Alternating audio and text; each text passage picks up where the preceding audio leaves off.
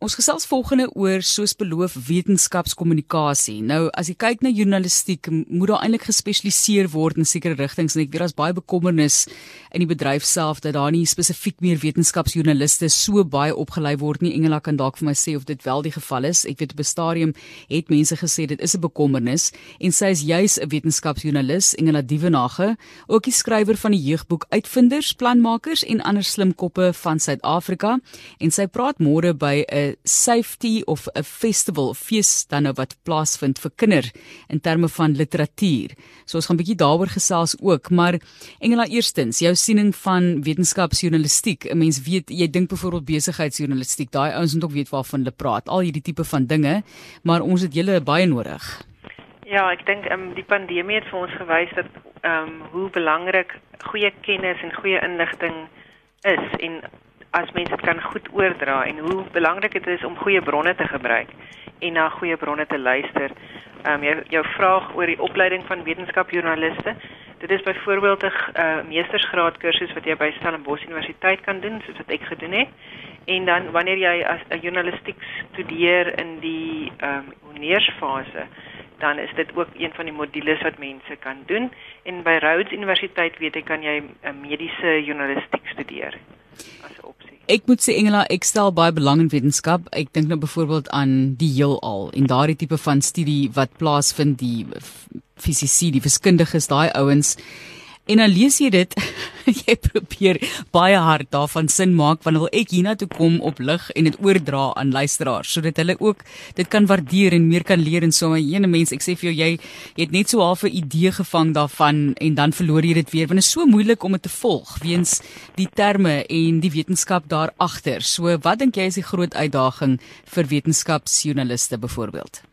Een van die ek dink een van die ek wil nie dit 'n uitdaging noem nie, maar een van die take dink ek van die uh, wetenskapsjoernalis is is nie noodwendig om al daai fynste detail te verduidelik nie, maar maar vir mense sin te gee en 'n lys te maak om self meer te gaan lees van 'n onderwerp. Ehm um, want soos jy sê, die die spesialiste, hulle weet regtig wat aangaan maar hulle ehm um, maar dit is baie gespesialiseer. So as jy ten minste net 'n goeie artikel kan skryf om vir mense mense te sê, weet jy daar is sulke onsaglike interessante goed soos 'n uh, 'n uh, 'n um, 'n insek wat van kleur verander of daar's in, interessante goed soos weet jy geweet hoe lank hoe vinnig 'n leeu se snorbaarde kan kan groei of so. Weet dit stimuleer ten minste mense se inligting en mense se belangstelling in sekere onderwerpe. Um ek sien nie my werk byvoorbeeld as iemand wat vir mense alles moet leer nie, maar ek my ek sien my werk as iemand wat vir mense ten minste moet laat belangstel op so 'n manier dat hulle nog verder wil gaan uit um, uitvind en as hulle wil 'n bietjie meer gaan krap en verder oplees. Hoe vroeër mense begin, hoe beter seker en dit is waaroor hierdie boek ook gaan is gefokus op kinders. Dis 'n jeugboek wat jy saamgestel het 102 stories en die oomblik is mense wil trots raak oor Suid-Afrika is Creepy Crawly hoog op die lys en die dollose natuurlik wat wêreldwyd gebruik word. Chris Barnard byvoorbeeld, dit is van die wetenskapshelde wat jy uitwys. Ja. Ja, definitief. Ehm um, maar daar sou altyd as jy sou gaan Google 10 uitvindings van Suid-Afrika, dan sal hulle definitief altyd kom. Maar daar's ook mense wat die afgelope paar jaar wonderlike werk gedoen het. So mense moet ook nie vashak in dit wat wat gebeur het nie. Ek dink byvoorbeeld aan eh, by Potchefstroom um, in midde in die COVID pandemie wat twee professors daar so 'n uh, 'n uh, uh, OTM vir um, die uitgee van pap ontwikkel het.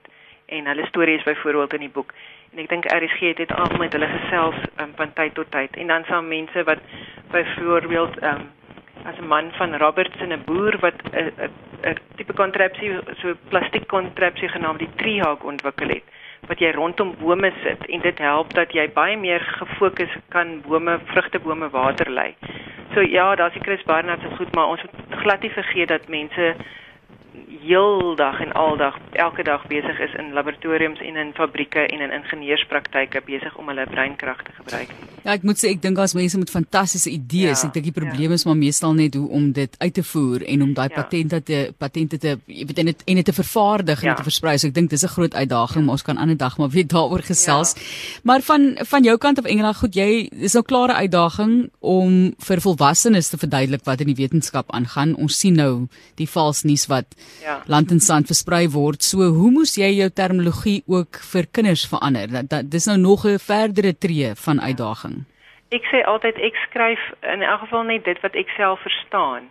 Ehm um, as jy as jy hoor wat ek sê, so dit ja. ek kan dit mens kan dit nie te tegnies maak. Ek's gelukkig dat ek twee dogters het ehm um, wat omtrent so ek het die boek vir hulle geskryf met hulle heeltyd in gedagte. Gaan hulle verstaan wat ek bedoel?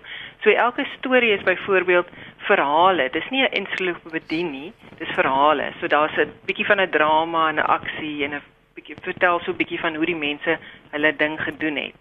Ehm um, so ek het hulle met hulle in my agterkop gebruik en dan het ek vir hulle elke nou en dan gesê ek lees gou 'n bietjie hierso, verstaan julle wat hierdie oor gaan? ehm um, so met gebruik met ek het maar seker maar my kinders 'n bietjie gebruik.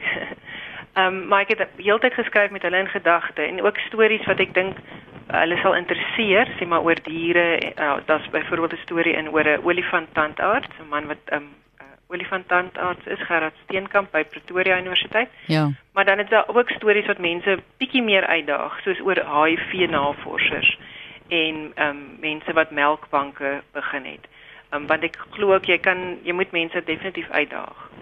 Melkbanke is 'n ongelooflike inisiatief, ja, né? Nee? Ja. Ons gesels oor wetenskapskommunikasie, hoe om dit makliker vir jou te maak om te verstaan wat in die wetenskap aan die gang is.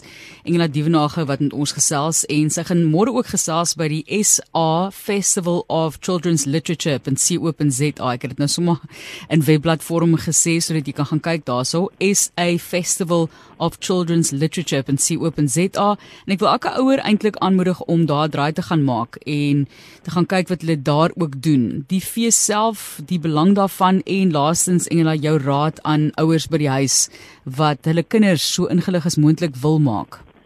Ek ek dink mense met ehm um, my groot slogan in life is daar's definitief meer in die lewe as op, net om heeltyd TikTok video's te kyk. En dit gaan baie oor hoe jy jou kinders blootstel. Ehm um, neem hulle as mens weer kan museums toe, vat hulle akwariums toe na die fossielpark by Langebaan byvoorbeeld. Maar aanlyn is daar ongelooflik baie ehm um, museums wat aanlyn ehm um, goed het uitstallings het wat jy kan gaan kyk. Die fees self is nou al vandag begin. Dit word gedryf deur Darryl David wat ehm um, 'n bekende is in boekfeeste in Suid-Afrika. Dit is nou alles aanlyn en alles gratis. So vandag was byvoorbeeld Wendy Martins en Marita van der Vyver is later vanmiddag ehm um, daar en mense kan net via Zoom kan hulle ehm um, registreer en dan gratis toegang kry. Môre weet ek is ehm um, 'n hele paar ehm uh, mense op op uh, dit en dan is daar ook Jaco Jacobs is 'n spreker van die Viljoen is ook later vanmiddag.